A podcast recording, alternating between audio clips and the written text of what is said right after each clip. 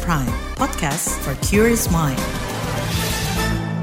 Halo saudara, senang sekali kami bisa menyapa Anda kembali melalui program KBR Sore edisi Jumat 17 November 2023. Saya Sindu Darmawan kembali menemani Anda selama kurang lebih 30 menit ke depan. Saudara, sore ini kita membahas pengelolaan dana puluhan triliun rupiah untuk penanganan stunting atau tengkes. Dana itu digelontorkan pemerintah untuk memperbaiki gizi pada anak. Sebab tengkes terjadi karena anak mengalami kekurangan gizi kronis sehingga gagal tumbuh seperti pada umumnya. Menurut survei status gizi Indonesia SSGI, prevalensi stunting pada 2022 mencapai 21 persen. Pemerintah menargetkan penurunan hingga 14 persen pada 2024. Salah satu faktor utama mencapai target tersebut ialah pengelolaan anggaran stunting yang tepat dan langsung berdampak kepada sasaran. Namun yang terjadi, anggaran stunting kerap disalahgunakan atau tak sesuai peruntukan.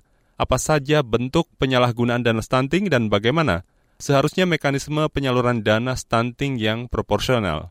Selengkapnya kita bahas di KBR Sore.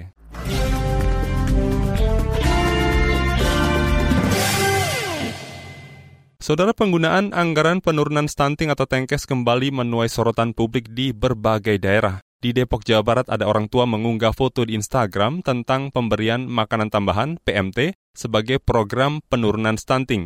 PMT yang diberikan Dinas Kesehatan setempat itu terdiri dari bola-bola nasi berisi irisan daging ayam dan dua potong tahu. Keluhan juga pernah disampaikan warga Kecamatan Payabakong, Aceh Utara. Dia mengaku menerima bantuan makanan untuk penanganan stunting yang isinya wafer seharga 500-an rupiah dan jenis kudapan lain.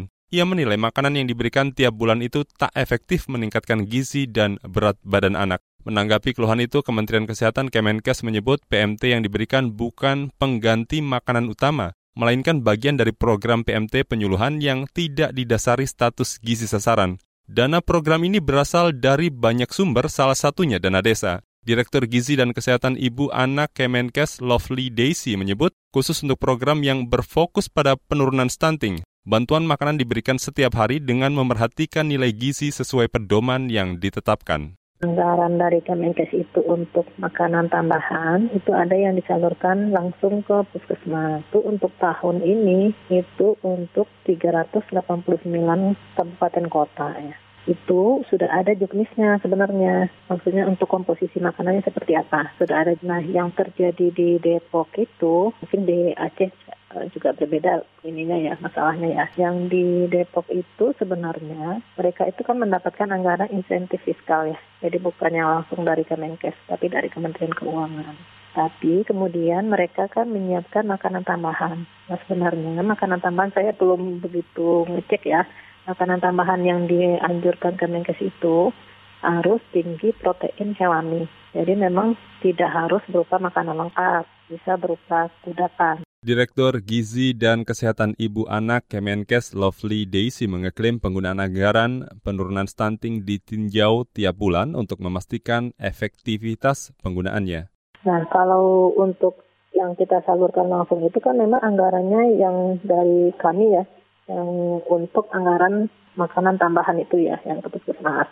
Nah, itu kita juga melakukan monitoring untuk pelaksanaan uh, pemberian makanan tambahan yang dilakukan oleh puskesmas tersebut. Nah, kemudian mereka juga kita minta untuk menginput data anak-anak yang diberikan makanan tambahan. Akan kita lihat harus ditimbang secara rutin, kemudian juga diukur tinggi badannya untuk melihat dampak dari pemberian makanan tambahan tersebut. Jadi kalau untuk di lapangan itu bisa dikoordinasikan dipantau oleh uh, Dinas Kesehatan Kabupaten Kota, kemudian juga Dinas Kesehatan Provinsi, tapi kami dari Kemenkes juga melakukan pemantauan. Uh, masyarakat juga harus tahu bahwa ini kan ada pemberian makanan tambahan untuk yang sudah bermasalah gizi yang dilakukan oleh puskesmas. Tapi ada pemberian makanan yang satu kali sebulan di posyandu. Nah itu kan yang ya, sumber anggarannya berbeda. Maksudnya sasarannya juga berbeda. Itu diberikan pada semua balita yang datang ke posyandu bukan untuk makanan tambahan, tapi hanya uh, kegiatan makanan PNT penyuluhan di posyandu yang sebulan sekali. Itu mungkin tidak sesuai dengan uh, juknis yang kita keluarkan, karena juknis kita itu untuk yang sudah bermasalah gizi tadi. Itu tadi Direktur Gizi dan Kesehatan Ibu Anak Kemenkes Lovely Daisy. Di sisi lain, kantor staf Presiden KSP memastikan terus memperkuat kerjasama antara pusat dan daerah dalam upaya penurunan stunting nasional.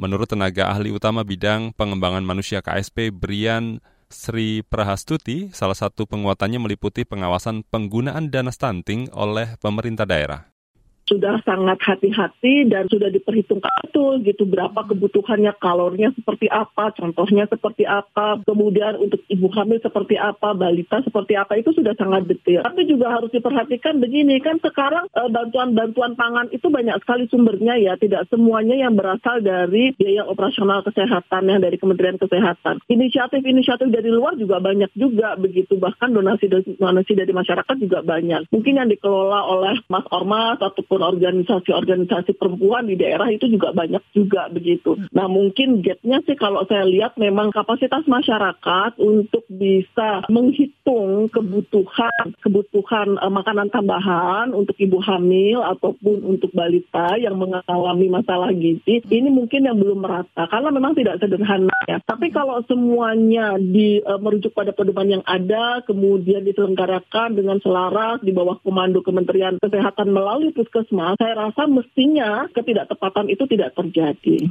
Tenaga ahli utama KSP Brian Sri Prastuti menyebut penggunaan dana stunting memiliki mekanisme pengawasan yang sama dengan penggunaan dana publik lain. Selain itu, KSP juga memantau penyaluran dana stunting dengan satu data berdasarkan nama dan alamat sasaran atau by name by address. Melalui data itu, pengawasan dapat memantau apakah pemberian makanan tambahan PMT tepat sasaran. Kegiatan ini dilakukan KSP bekerjasama dengan kementerian terkait.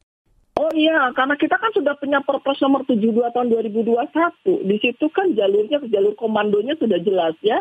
Jadi di tingkat pusat itu dipimpin eh, ketua pengarah itu adalah wakil presiden sendiri, kemudian ketua pelaksana itu adalah kepala BKKBN eh, dengan eh, melibatkan eh, 17 kementerian lembaga Kemudian di tingkat daerah itu ada di tingkat semua provinsi, di semua kabupaten, bahkan sampai ke tingkat uh, kecamatan dan desa begitu. Kalau tentang bagaimana penggunaan dananya sebenarnya sama seperti penggunaan dana publik yang lain ya. Itu tadi tenaga ahli utama KSP Brian Sri Prahastuti. Saudara protes soal penggunaan anggaran stunting juga pernah diungkap Presiden Joko Widodo. Pertengahan tahun ini Jokowi membeberkan temuan penggunaan anggaran penurunan prevalensi stunting yang tidak tepat sasaran.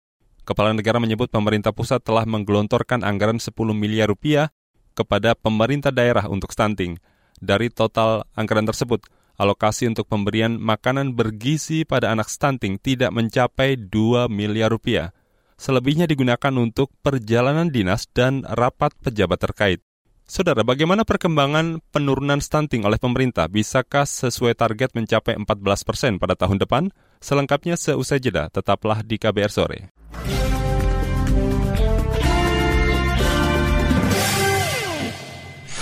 Commercial break. Commercial break. Lu nyari apa sih? Sibuk amat dari tadi. Duit gue nih hilang, padahal udah dimasukin dompet. Ada tuyul kali ya? Hus, jangan asal lo ya. Eh, bukannya tadi lo jajan kopi, ikut PO seblak, sama nitip gorengan ya? Hah? Masa? Kok bisa nggak sadar ya? Bocor alus tuh, lo kudu disiplin keuangan makanya. Dengerin deh Uang Bicara, podcast dari KBR Pram yang ngebahas soal ekonomi dan literasi keuangan. Cocok banget buat anak muda kayak kita sama nih kayak dengan self reward. Oke. Lo dengerin di mana? Di kbrprime.id. Oke deh, gue dengerin. Tapi jajan kopi sore ini gue pinjam lo dulu ya. Astaga. Uang bicara, menavigasi kamu supaya tetap cuan dari KBR Prime.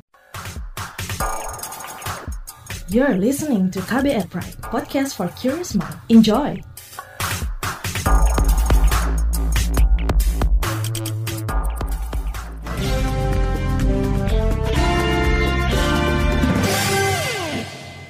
Saudara pemerintah telah memasang target penurunan stunting hingga 14 persen di 2024. Namun sejumlah pihak menilai target itu tak realistis dan sulit dicapai. Apa sebabnya? Berikut selengkapnya laporan jurnalis KBR Astri Septiani.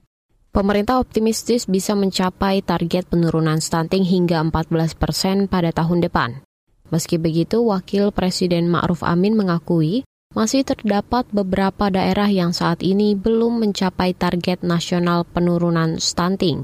Tapi banyak yang sudah di bawah 10 persen. Artinya di 2004 itu akan di bawah jauh di bawah 10 persen. Walaupun ada juga beberapa daerah yang masih ada di atas 10 persen, bahkan mungkin ada yang lebih dari sampai 18, 19, tapi secara rata-rata kita perkirakan bahwa di 2004, 2004 nanti capaian target 14 persen akan kita uh, peroleh. Dalam kesempatan yang lain, Maruf Amin meminta pemerintah tidak berpuas diri karena masih ada target yang harus dikejar dalam satu tahun waktu pemerintahan yang tersisa, sementara Indonesia juga dihadapkan dengan tahun politik. Ia berharap pergantian kepemimpinan di pusat dan daerah nanti tetap mengakomodasi percepatan penurunan stunting sebagai prioritas pembangunan.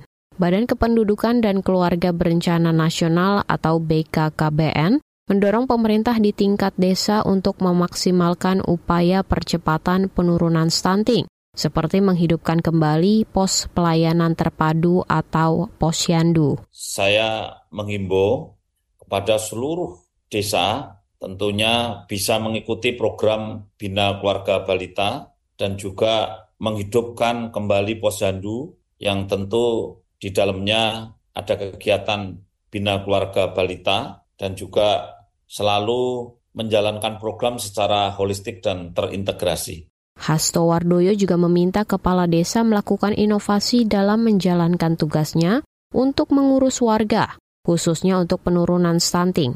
Capaian target penurunan stunting memang tidak begitu menggembirakan. Dalam laporan pada Juni lalu, Badan Pengawasan Keuangan dan Pembangunan atau BPKP mengatakan penanganan kasus stunting di 370-an daerah tidak sesuai dengan target Rencana Pembangunan Jangka Menengah Nasional atau RPJMN 2020-2024. Hal ini disampaikan Kepala BPKP Muhammad Yusuf Ateh. Pada sektor pembangunan manusia, upaya peningkatan kualitas SDM Indonesia belum merata sebagai contoh, hal ini terlihat dari penyelesaian kasus stunting yang tidak sesuai target RPJMN pada 378 daerah, serta kualitas ruang kelas sekolah yang masih perlu ditingkatkan pada 241 daerah provinsi, kabupaten, kota. Sejumlah pihak juga meragukan tercapainya target penurunan stunting.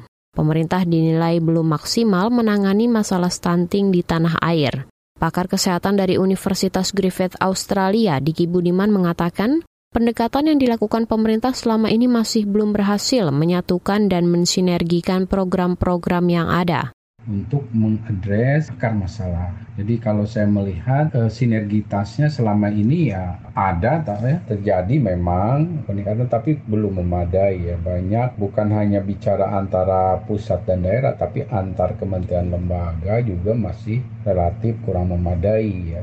Sementara itu Ikatan Ahli Kesehatan Masyarakat Indonesia atau IAKMI menilai target pemerintah menurunkan stunting 14 persen di tahun depan sulit tercapai. Ketua Umum IAKMI Ede Surya Darmawan mengatakan target tersebut masih terlalu tinggi. Apalagi tahun ini prevalensi stunting masih di angka 21,6 persen. Kalangan parlemen juga turut meragukan upaya penurunan stunting oleh pemerintah. Anggota Komisi Kesehatan DPR RI, Neti Prasetyani, bahkan meragukan akurasi data yang diklaim pemerintah terkait penurunan stunting. Mereka akui bahwa prevalensi itu dihitung berdasarkan sampling, tapi penanganan ya harus by name by address seperti itu. Jadi eh, kita mempertanyakan bagaimana komitmen pemerintah untuk bisa memastikan uh, stunting itu turun karena bayi balitanya yang stunting diintervensi, bukan hanya bermain di angka-angka atau statistik. Neti Prasetyani mengatakan penanganan stunting berbeda dengan penanganan bayi-bayi biasa, sebab perlu asupan pangan olahan khusus. Selain itu, penegakan diagnosis stunting juga harus dilakukan oleh ahli atau dokter spesialis anak menggunakan alat khusus antropometri. Demikian laporan khas KBR, saya Astri Septiani. Itu tadi laporan khas KBR mengenai target penurunan stunting. Kita kembali ke topik utama. Saudara, sebagian kalangan wakil rakyat di parlemen meminta penggunaan dana stunting lebih banyak melibatkan masyarakat setempat. Apa alasannya? Simak sesaat lagi, tetaplah di KBR sore.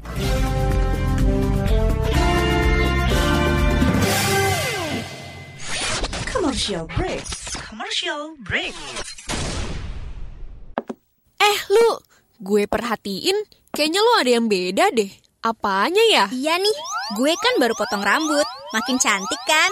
Ih, GR. Bukan rambutnya yang beda, tapi pembawaan lu. Akhir-akhir ini kayaknya makin semangat dan ceria.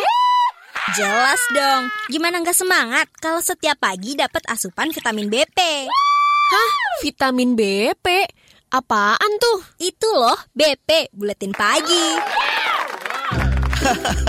Bisa aja Lulu, bener banget. Buletin pagi asupan paling pas di pagi hari. Dapatkan berita-berita terhangat di pagi hari setiap Senin sampai Jumat pukul 6 pagi hanya di radio jaringan KBR di seluruh Indonesia. You're listening to KBR Pride, podcast for curious mind. Enjoy.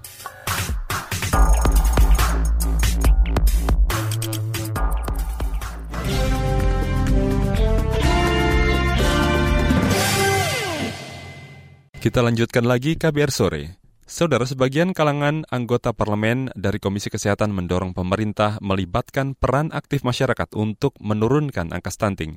Sebab menurut anggota Komisi Kesehatan DPR Rahmat Handoyo, penurunan angka stunting perlu melibatkan banyak pihak hingga ke level rukun tetangga dan rukun warga atau RT RW. Saya kira ini menjadi kritik bersama ya eh, bahwa penanganan eh, stunting tidak serta-merta hanya pada base-nya itu adalah proyek, pengadaan gitu loh.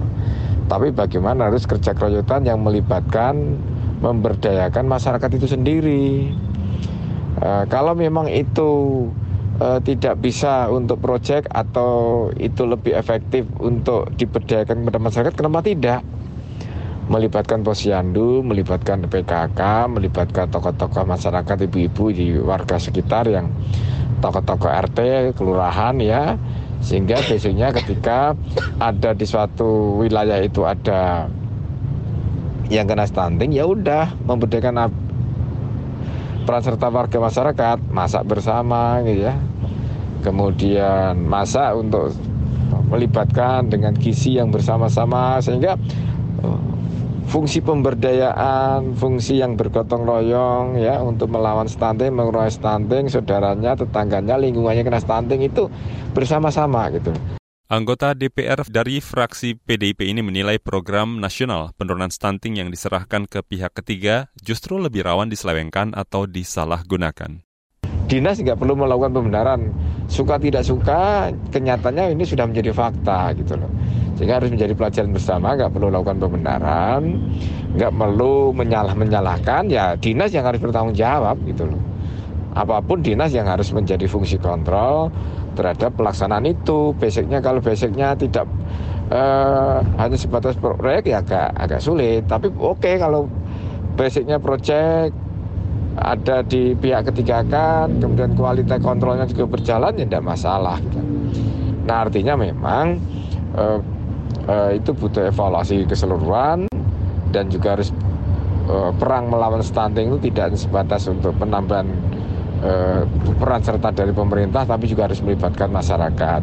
Pemberdayaan harus berdaya sendiri harus mandiri. Siapa yaitu mengajak ibu-ibu PKK, posyandu sehingga ada kepedulian untuk bersama-sama melawan stunting gitu. Jadi uh, stunting itu tidak hanya sebatas membatas pada suatu memberi PMT, tapi bagaimana juga pencegahannya stunting itu juga lebih penting lagi saya kira ya uh, mengedukasi warga. Tapi kaitannya dengan yang PMT atau yang uh, memberantas stunting yang sudah uh, kena stunting seribu hari pertama ya, saya kira itu juga harus digerakkan dan diberdayakan melibatkan masyarakat. Tapi tidak hanya itu saja, fungsi kontrol dan fungsi pengawasan dari dinas maupun uh, stakeholder ya harus berjalan terutama dari pemerintah. Ya itu. Nah juga yang tak kalah penting adalah bahwa penanganan stunting itu uh, tidak serta merta hanya tugas pemerintah tapi juga harus melibatkan masyarakat. Nah masyarakat ya harus dikasih stimulun, uh, kasih dana ya saya yakin percaya kalau rakyat itu dikasih dana yang melibatkan ibu-ibu uh, pasti uh, akan saling ikut mengawasi, ikut mengontrol. Menurut Rahmat, program pemberian makanan tambahan PMT di Kota Depok, Jawa Barat termasuk tak layak. Menu PMT itu seharga Rp18.000 per paket, terdiri dari nasi kuah sop, sawi, dan tahu kukus. Padahal total anggaran stunting yang diberikan senilai lebih dari 4 miliar rupiah. Ia meminta semua pemangku kepentingan mencegah kejadian serupa terulang kembali. Saudara LSM yang fokus pada transparansi anggaran, Fitra menilai penggunaan dana stunting di tiga kementerian masih belum terintegrasi. Lalu bagaimana evaluasi Fitra terkait penggunaan dana stunting sejauh ini? Peneliti Fitra Baidul Hadi akan menjelaskan sesaat lagi di KBR Sore.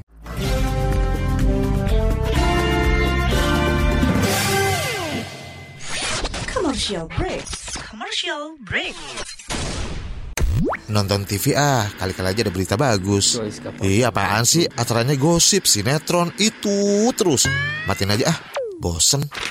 Hah, mending baca koran. Coba deh kali ada berita seru ya. Pemilihan presiden tahun 2019. Dih, berita tahun kapan ini? Kirain koran baru. Eh, uh, basi. Perhatian, perhatian. Selain bisa didengarkan di kbrprime.id, kabar baru juga bisa Anda dengarkan setiap jam, Senin sampai Jumat, mulai pukul 7 pagi hingga pukul 8 malam.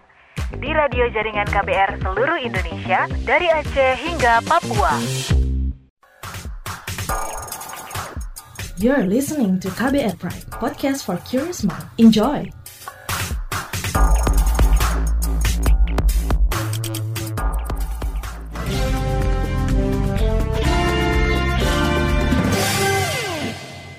Anda masih mendengarkan KBR sore. Saudara Forum Indonesia untuk Transparansi Anggaran Fitra mendesak pemerintah mengevaluasi mekanisme dan tata kelola penyerapan alokasi anggaran penurunan stunting. Menurut peneliti Fitra, Badiul Hadi mengatakan, anggaran stunting pada September tahun ini mencapai 22 triliun rupiah yang tersebar di beberapa kementerian. Lantas apa usulan Fitra untuk perbaikan penggunaan dana stunting? Selengkapnya simak wawancara jurnalis KBR Muhammad Rifandi Fahrezi dengan peneliti dari Forum Indonesia untuk Transparansi Anggaran, Fitra Badiul Hadi. Bagaimana evaluasi terkait mekanisme pendanaan program pengentasan prevalensi stunting dari pusat ke daerah? Terima kasih. Kalau terkait dengan evaluasi ya, karena kan memang kewenangan itu sebenarnya kan di Kementerian Kesehatan ya untuk alokasi tata kelola alokasi anggarannya. Jadi evaluasi itu dilakukan oleh Kementerian Kesehatan. Tetapi di dalam konteks implementasinya karena dia dan bagian masuk di tata kelola pemerintahan daerah, maka Kemendagri harus dilibatkan. Artinya setidaknya ada tiga kementerian di dalam konteks evaluasi. Pertama Kementerian Keuangan, Kementerian Kesehatan, Kementerian Dalam Negeri di bawah koordinasi di kantor Wapres karena kan salah satu ininya di sana. Anggaran stunting di September 2023 ini kan 22 triliun ya. Itu kan di berbagai macam kementerian, maksudnya lintas sektor, sehingga tidak bisa kemudian itu hanya dilakukan oleh satu sektor saja, dan itu harus dilakukan uh, bersama-sama oleh sektor-sektor yang terlibat di dalam proses penurunan prevalensi stunting itu. Anggaran stunting hmm. ini kan berulang kali dikeluarkan masyarakat ya. Selain soal bantuan makanan program stunting, ada juga pembangunan hmm. pagar puskesmas. Jadi ini bagaimana hmm. agar pengelolaan dana stunting ini berdampak langsung kepada sasaran? Ya, saya kira memang ini ada proses yang tidak tuntas ya, maksudnya tidak clear di dalam konteks perencanaan anggarannya ya. Jadi pemerintah dalam posisi ini baik di pemerintah pusat maupun di pemerintah daerah terutama yang mengimplementasikan itu, proses perencanaannya tidak tuntas artinya tidak berbasis data yang baik, tidak berbasis data yang baik sehingga kemudian banyak penggunaan anggaran untuk hal-hal yang tidak langsung bersinggungan dengan isu stunting itu sendiri kan kayak gitu kan. Misalnya kayak kayak kasus yang kemarin ramai diungkap oleh presiden misalnya untuk pembangunan fisik kan kayak gitu. Nah, fisik misalnya kayak pembangunan pagar dan yang lainnya itu kan tidak ada kaitannya dengan penurunan stunting secara langsung. Tetapi misalnya pembangunan fisik itu tidak apa-apa kalau misalnya untuk eh, pengadaan air bersih, eh, perumahan, itu kan tidak masalah. Tetapi kalau penggunaannya itu tidak tepat sasaran, itu yang jadi masalah. Jadi di, sejak dalam proses perencanaannya itu ada masalah, Mas. Kalau kemudian terjadi problem di dalam implementasi anggaran seperti itu tadi kasusnya.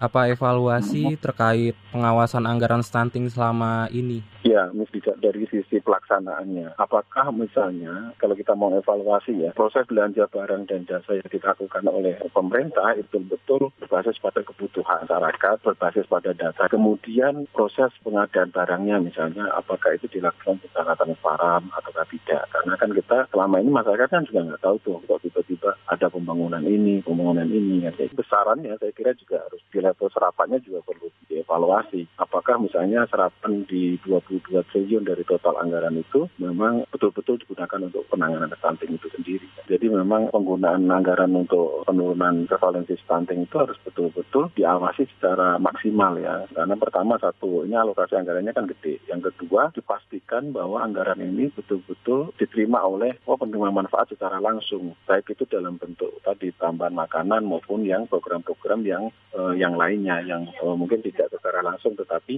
langsung berkaitan dengan penurunan stunting itu sendiri.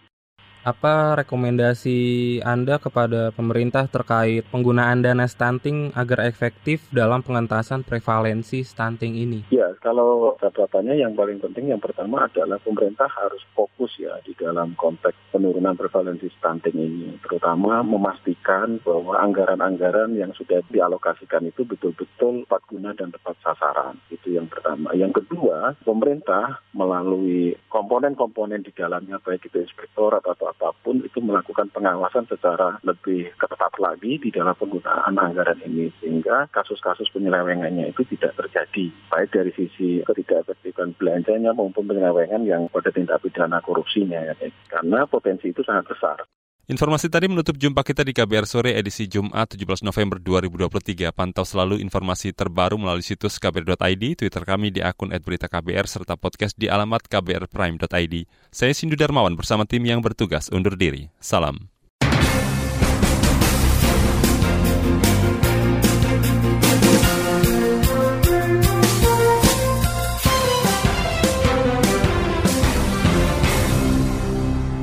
KBR Prime, cara asik mendengar berita. KBR Prime, podcast for curious mind.